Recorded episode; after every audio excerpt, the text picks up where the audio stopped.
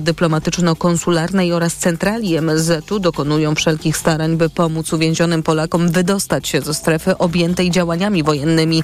Robimy wszystko, by znów byli bezpieczni, zaznaczył minister. My do tego tematu będziemy wracać w informacjach TOK FM. Słuchasz informacji TOK FM. Opozycja jest gotowa do tego, aby wysłać prezydentowi kolejny jasny sygnał dotyczący posiadania rządowej większości. To odpowiedź na komunikaty wysyłane ze strony Pałacu Prezydenckiego o gotowości Andrzeja Dudy do dalszych rozmów w sprawie desygnowania premiera. Donald Tusk ma poparcie 248 posłów i posłanek i to kolejny raz powiemy prezydentowi, jeśli nas zaprosi, mówi szef klubu Koalicji Obywatelskiej Borys Budka. Liderzy demokratycznej większości w Sejmie to osoby poważne, poważni politycy i prezydentowi musi wystarczyć jasna deklaracja ze strony Donalda Tuska, Szymona Hołowni, Władysława Kośniaka-Kamysza i Włodzimierza Czarzastego, że wszystkie te mają jednego kandydata na premiera. Pierwsze posiedzenie Sejmu ma się odbyć 13 listopada. Do tego czasu prezydent ma dwa tygodnie na zaprzysiężenie nowego rządu. Pomoc w zakupach, transporcie czy zajmowaniu się domem. Od dziś wchodzą w życie przepisy o tzw. Tak pomocy sąsiedzkiej. Za wsparcie, które zapłaci państwo, skorzystać mogą seniorzy albo osoby z niepełnosprawnościami, którym pomogą wybrane przez nich osoby. Warunkiem musi być chęć współpracy i to, by pomagający nie byli spokrewnieni. Pomoc sąsiedzka może być rozwiązaniem wspierającym samorządy, które mogą być częściowo odciążone od dotowania lokalnych domów pomocy społecznej, mówi Marek Wójcik ze Związku Miast Polskich. Nie będzie tej bariery, że nagle ktoś obcy wchodzi do mojego mieszkania i tego typu wsparcie z punktu widzenia ekonomicznego także może być o wiele tańsze niż wsparcie instytucjonalne, ale także takiego wsparcia środowiskowego typu środowiskowy dom e, pomocy. Żeby udzielać takiej pomocy trzeba być pełnoletnim i mieć za sobą kurs pierwszej pomocy. Już po zakończeniu głosowania w tegorocznej edycji budżetu obywatelskiego Białostocki Ratusz zdecydował o zwiększeniu o 3 miliony do 15 milionów puli dostępnych pieniędzy. To, jak mówi prezydent Tadeusz Truskolaski, pozwoli zrealizować więcej przedsięwzięć i pokaże mieszkańcom, że warto angażować się społecznie. Jakub Medek. Prezydent Tadeusz Truskolaski mówi, że na decyzję wpłynął wynik głosowania w kategorii projektów ogólnomiejskich. Dwa z nich, Park Przedsiębiorców i Akademia Golfa, skonsumowały całą przeznaczoną wcześniej na ten cel kwotę. W związku z tym zwiększenie o tę kwotę 3 milionów złotych pozwoliło, że zamiast dwóch projektów realizujemy 13. Miasto cieszy się z rekordowej frekwencji w głosowaniu. Wypełniono ponad 92 tysiące, 92,5 tysiąca kart. Ważnych kart było 76 416, nieważnych troszkę ponad 16 tysięcy. Na razie nie wiadomo, czy zwiększenie z 12 do 15 milionów puli dostępnej w budżecie obywatelskim będzie obowiązywać także w przyszłym roku. Zdaniem prezydenta Białego Stoku decyzja w tej sprawie powinna należeć już do nowej Rady Miasta. Jakub Medek, TOK FM. A już teraz prognoza pogody.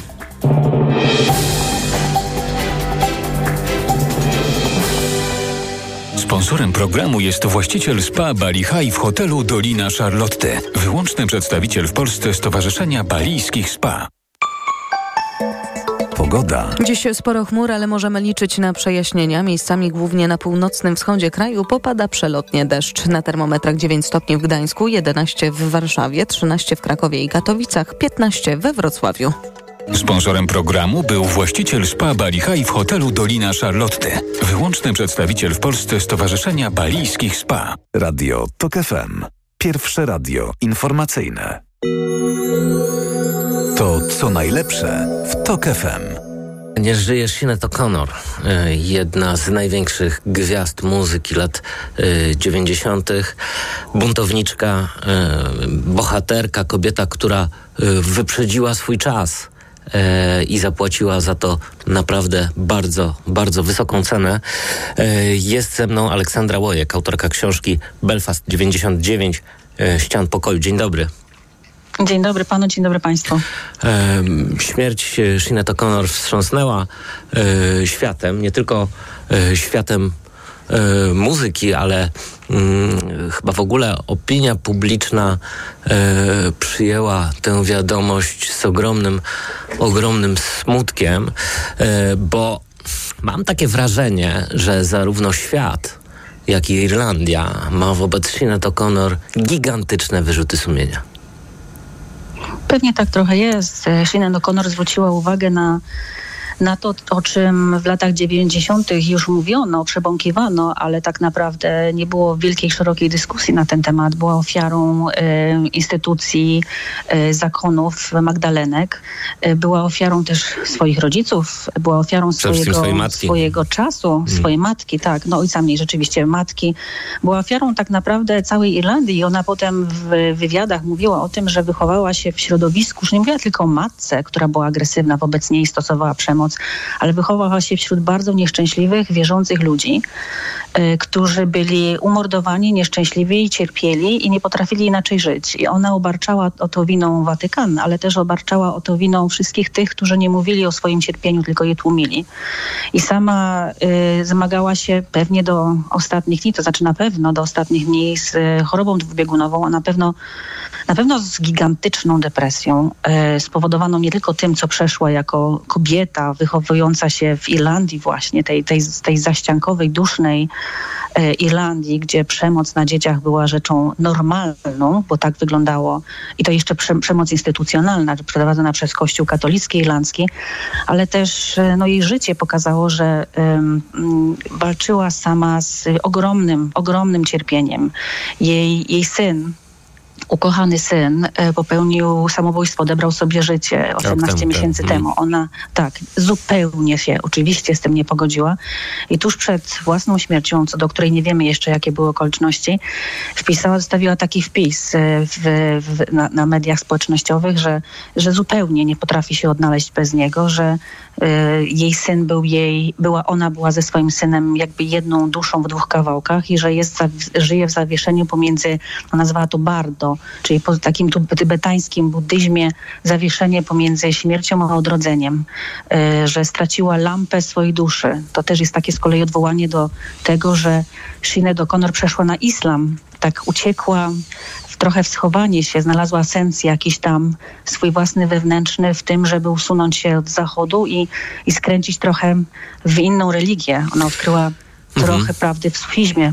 Sinead O'Connor y, debiutowała na przełomie lat 80. i 90. i okazała się y, właśnie błyskawicznie muzycznym objawieniem. Obdarzona niezwykłym talentem, wspaniałym głosem, y, no, co więcej, niezwykłą urodą i taką, można powiedzieć, takim zupełnie bezkompromisowym stosunkiem do niej, stała się e, gwiazdą e, światowego popu, czego zresztą nigdy nie chciała.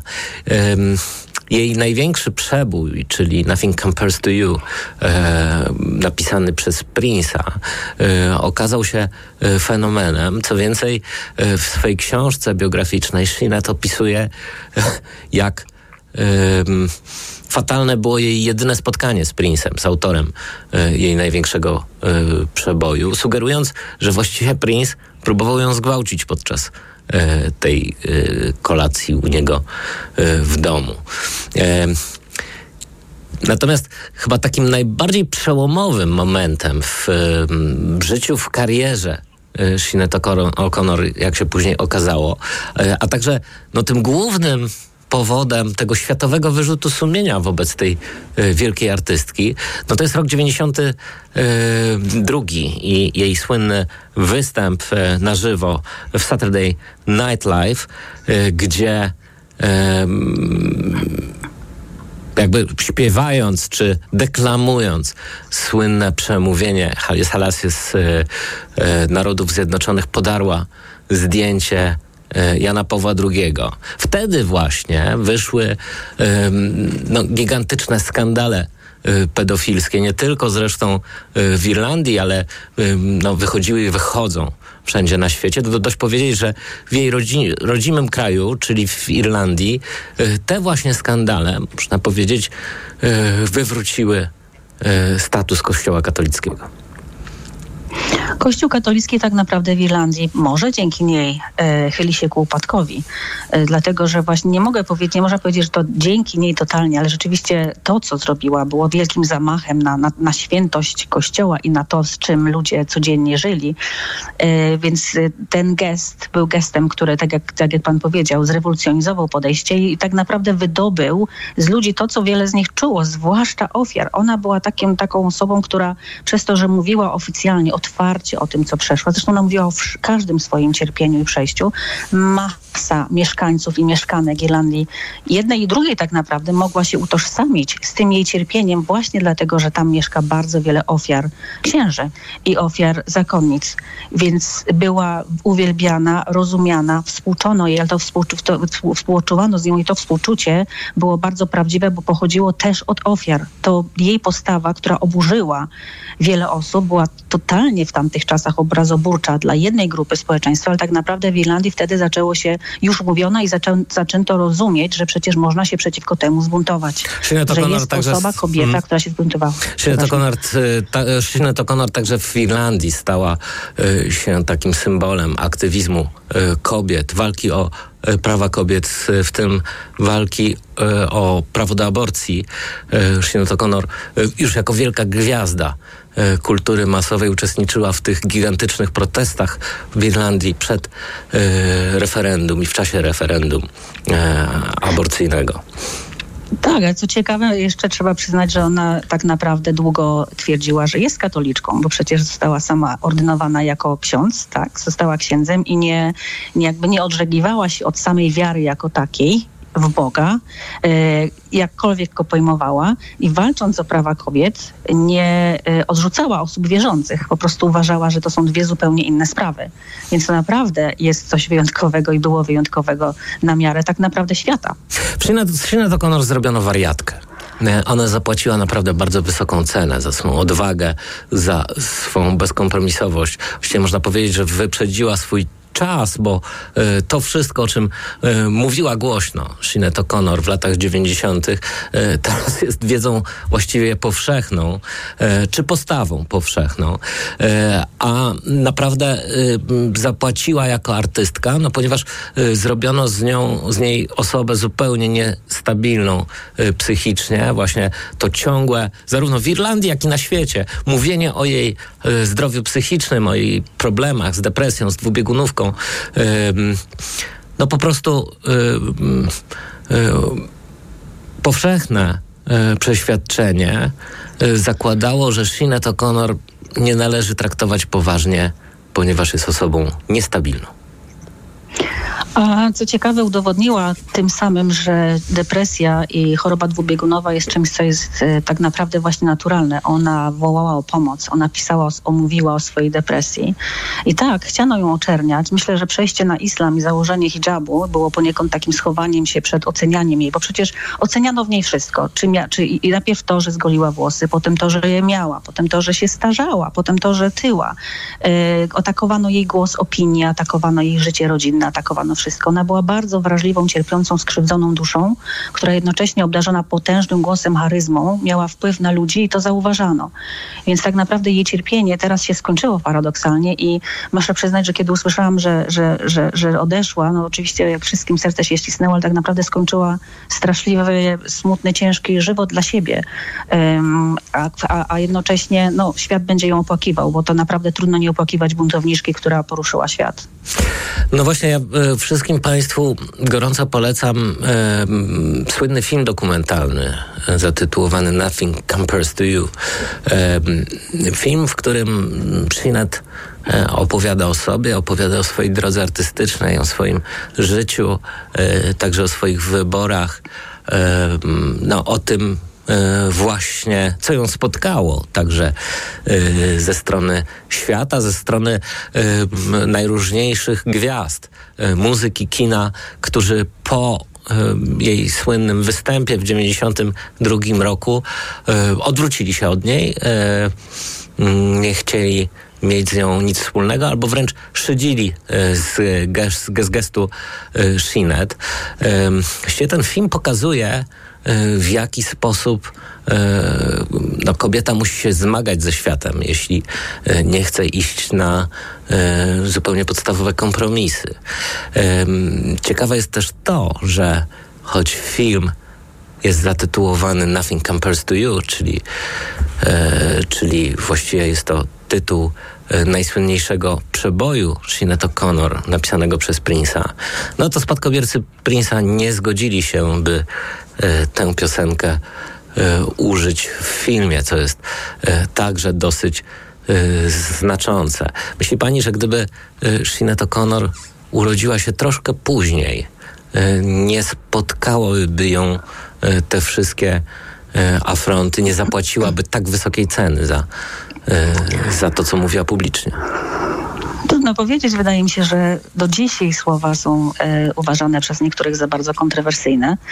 E, możliwe, że byłoby jej lżej. Trudno powiedzieć, jaką naprawdę byłaby ona osobą bez tych swoich doświadczeń. Ona w jednym wywiadzie mówi, że wychowała się jako dziecko w atmosferze, w której wszyscy mówili jej, że jest złym człowiekiem, jest zły, jest, jest wszystko jest, wszyscy jej mówili, dom, kościół, matka, że jest zła, że jest przepełniona złem, że musi coś z tym zrobić. Te, te uwarunkowania środowiskowe były bardzo, bardzo silne, a jednocześnie potem podrosła i to ona przyciągała do siebie ludzi, którzy byli uważani za tych złych. Więc myślę, że to tak charyzmatyczna postać, że obroniłaby się i robiłaby pewnie podobne rzeczy przez to, że była tak wrażliwa na krzywdę, E, że, że też pewnie znalazłaby wiele rzeczy, o których można byłoby rozmawiać, ale ostatnie lata się wycofała na przede wszystkim śmierć jej, jej, jej syna. E, była taką, takim no, gwoździem i dosłownie gwoździem do trumny.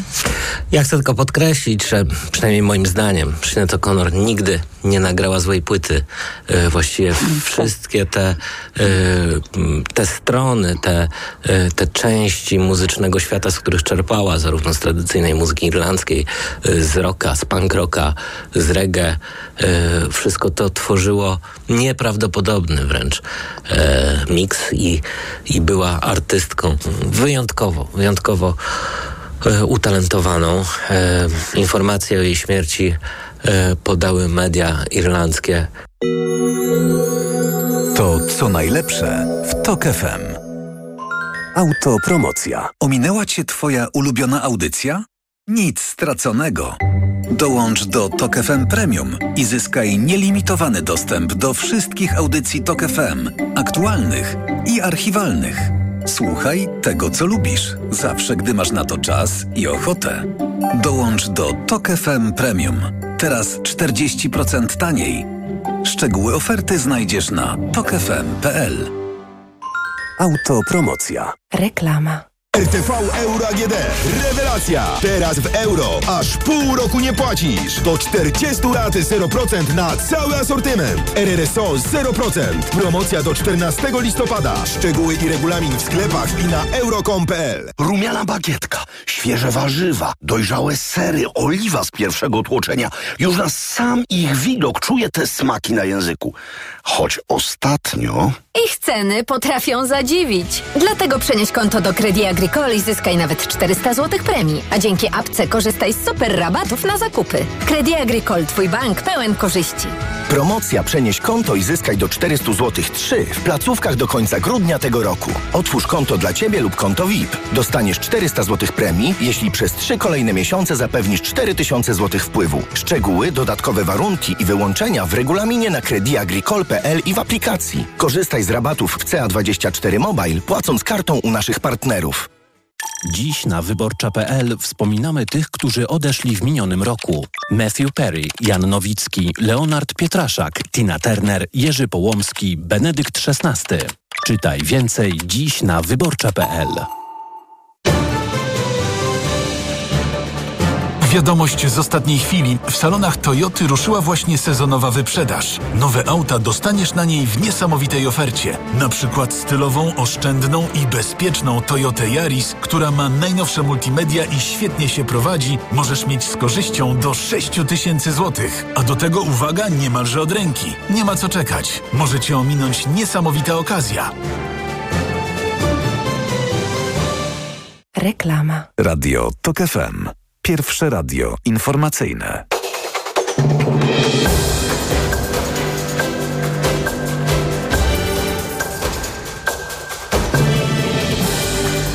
12.22. Anna Draganek-Weiss. Zapraszam. Rosyjska armia minionej doby ostrzelała 118 miejscowości w 10 regionach Ukrainy. Najwięcej od początku roku. Poinformował o tym minister spraw wewnętrznych Ukrainy. Rosyjskie wojska przeprowadziły zmasowane ostrzały, w wyniku których są zabici i ranni. Dziś wszystkich świętych władze polskich miast zachęcają, by odwiedzając groby bliskich korzystać z komunikacji miejskiej, tak by uniknąć ewentualnych problemów w ruchu. Warszawskie służby miejskie przekazały, że w rejonie cmentarzy jest spokojnie, nie ma większych utrudnień. Tłoku nie ma także w komunikacji miejskiej obsługiwanej przez dodatkowe autobusy i tramwaje. Więcej w informacjach TOK FM o 13. Radio TOK FM. Pierwsze radio informacyjne. To co najlepsze w TOK FM. A z nami jest Maciej Kozłowski, były ambasador Polski w Izraelu. Dzień dobry, kłaniam się panu. Dzień dobry. Mam nadzieję, że się słyszymy. Prosiłbym pana, byśmy przez te kilka minut e, wspomnieli zmarłego w piątek w wieku 87 lat byłego przewodniczącego Knesetu i ambasadora Izraela w Polsce e, Szewacha Weissa. E, proszę powiedzieć, jak istotną postacią był Szewach Weiss przede wszystkim w tym pojednaniu polsko-izraelskim? Powiedziałbym, że kluczową, dlatego że on był związany z Polską urodzeniem, urodził się w Borysławiu, ale był również związany emocjonalnie i jeszcze przed y, nawiązaniem stosunków dyplomatycznych między Polską i Izraelem, y, czyli w tym okresie takiej długiej nocy po y, tej decyzji z 67 roku, był y, tą postacią, wokół której tam jak gdyby politycy izraelscy interesujący się Polską się skupiali. Był przewodniczącym Knesetu, e, pamiętamy w 90. latach. I, i było taką rzeczą naturalną, że właśnie on zostanie e, ambasadorem w Polsce e, i spełnił tą rolę no, w sposób, powiedziałbym, e, modelowy. Tym bardziej, że czas jego y, kadencji w Polsce przypadł na bardzo dramatyczne wydarzenia związane z dyskusją wokół Jedwabnego. I on w tej dyskusji potrafił znaleźć właściwy ton. Z jednej strony mówiący o tym, że nie można zapominać o tym, co było złe w naszych stosunkach, ale również nie można mówić tylko o tym, co było złe, bo było również wiele dobrego. Miał takie słynne powiedzenie, które często cytował, że w Polsce były różne stodoły. Była ta dramatyczna e, w Jedwabnym, w Raziłowie, ale również ta, w której polska rodzina jego jego rodzinę ukrywała.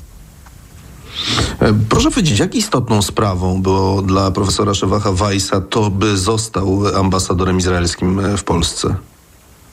Y, ogromnie ważne. Ogromnie ważne dlatego, że on się w Polsce świetnie czuł. Y, on jest taka grupa, czy była, bo to są już ludzie właśnie w tym wieku, w którym odszedł Szefach Weiss w większości, którzy byli bardzo emocjonalnie związani z Polską dzieciństwem. Jest coś takiego, że najlepiej pamiętamy i najbardziej jesteśmy przywiązani do klimatów dzieciństwa. Ponieważ y, z Polski y, wyemigrowało do Izraela w ciągu tych y, ponad pół wieku y, kilkaset tysięcy y, polskich Żydów. Y, dla wielu z nich to była sprawa bardzo osobista, przy czym byli tacy, którzy jak gdyby na tą Polskę się zamykali, z uwagi na krzywdy, których doznali, na krzywdy, których ich rodzina doznała, z uwagi na mm, jakieś e, złe emocje, ale byli też tacy, którzy właśnie chcieli te złe emocje rozładowywać. Właśnie do takich ludzi należał e, Szewach i on rzeczywiście w tej swojej funkcji ambasadora znakomicie w tej dziedzinie się sprawdził. Kiedy wsłuchujemy się od e, dwóch dni we wspomnienia Szewacha Weissa, najczęściej e, padają określenia opisujące cechy jego charakteru. Był charyzmatyczny i, i wrażliwy w jednym. To takie no, cechy wręcz pożądane u dyplomaty, ale no, jednak rzadko spotykane. Y, Tak, był to po prostu niezwykle ciepły, niezwykle taki człowiek, którego Kotarbiński by nazwał spolegliwym. To znaczy człowiek, w którego towarzystwie się dobrze czuło. Y, dowcipny, był bardzo bezpośredni, po izraelsku każde, z każdym przechodził na ty y, i był y, poza tym, oczywiście mm, reprezentował Izrael w Polsce i był izraelskim patriotą, ale był również polskim patriotą i on pokazywał, że y, bycie jednocześnie polskim patriotą i izraelskim patriotą nie musi być sprzeczne, a może być komplementarne, co było bardzo ważne. No, ja mam wiele osobistych wspomnień, bo bardzo wiele czasu spędziliśmy razem w różnych okolicznościach, bo tak się akurat złożyło, że on był ambasadorem w Polsce wtedy, kiedy ja byłem y, ambasadorem polskim w Izraelu i było wiele mm, mm, okazji, kiedy zapraszano nas razem na różne e, imprezy, między innymi na Festiwal Kultury Żydowskiej e, w Krakowie. Rok w rok właśnie spotykałem się tam z Szewachem. Mieliśmy e, takie publiczne spotkania, gdzie mówiliśmy z dwóch perspektyw o stosunkach polsko-izraelskich i polsko-żydowskich.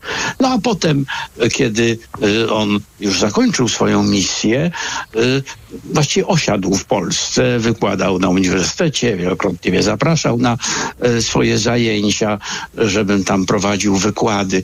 Słowem, e, miałem wiele, wiele, wiele okazji z nim e, być w takich bardzo bliskich, no, osobistych stosunkach i wszystkie te spotkania wspominam bardzo dobrze. Mówi się o, Szewachu Wajsie, że był strażnikiem stosunków e, polsko-izraelskich. Sądzi pan, że ta jego misja będzie kontynuowana i że e, jest tylu jego wychowanków, e, którzy zechcą stać się na straży, by te stosunki były jak najlepsze? Obawiam się, że będzie to trudne. Trzeba pamiętać o pokoleniu, z którego pochodził. To pokolenie odchodzi. To był jednym z ostatnich przedstawicieli tego pokolenia, które y, y, przeżyło y, jakąś część swojego życia w Polsce.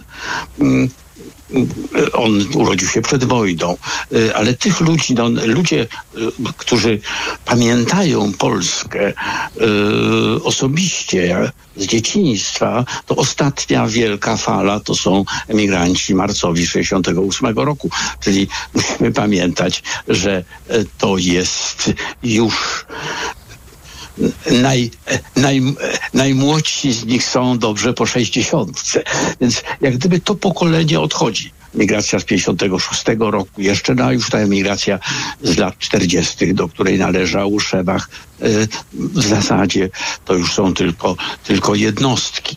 Więc to pokolenie odchodzi i trzeba będzie budować te stosunki na zupełnie innych jakby zasadach, nie na zasadzie tego tego sentymentu, tylko na zasadzie po prostu e, realiów, to znaczy e, zrozumienia, że i dla Polski, i dla Izraela dobre stosunki są ważne i, i że e, Polska tak jak była przez te trzydzieści kilka lat nawiązania stosunków ważnym sojusznikiem Izraela w świecie, który nie zawsze jest dla Izraela, do Izraela pozytywnie nastawiony, mo, może nadal tą funkcję pełnić, ale oczywiście musi tu być, mówiąc językiem dyplomatycznym, reciprocity, czyli wzajemność, czyli również w Izraelu należałoby pozbyć się